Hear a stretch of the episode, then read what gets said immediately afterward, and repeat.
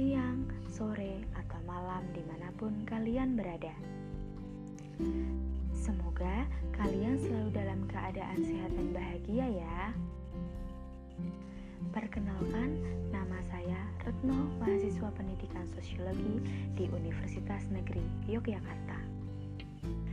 Saya sedang melaksanakan praktek kependidikan sebagai salah satu syarat kelulusan.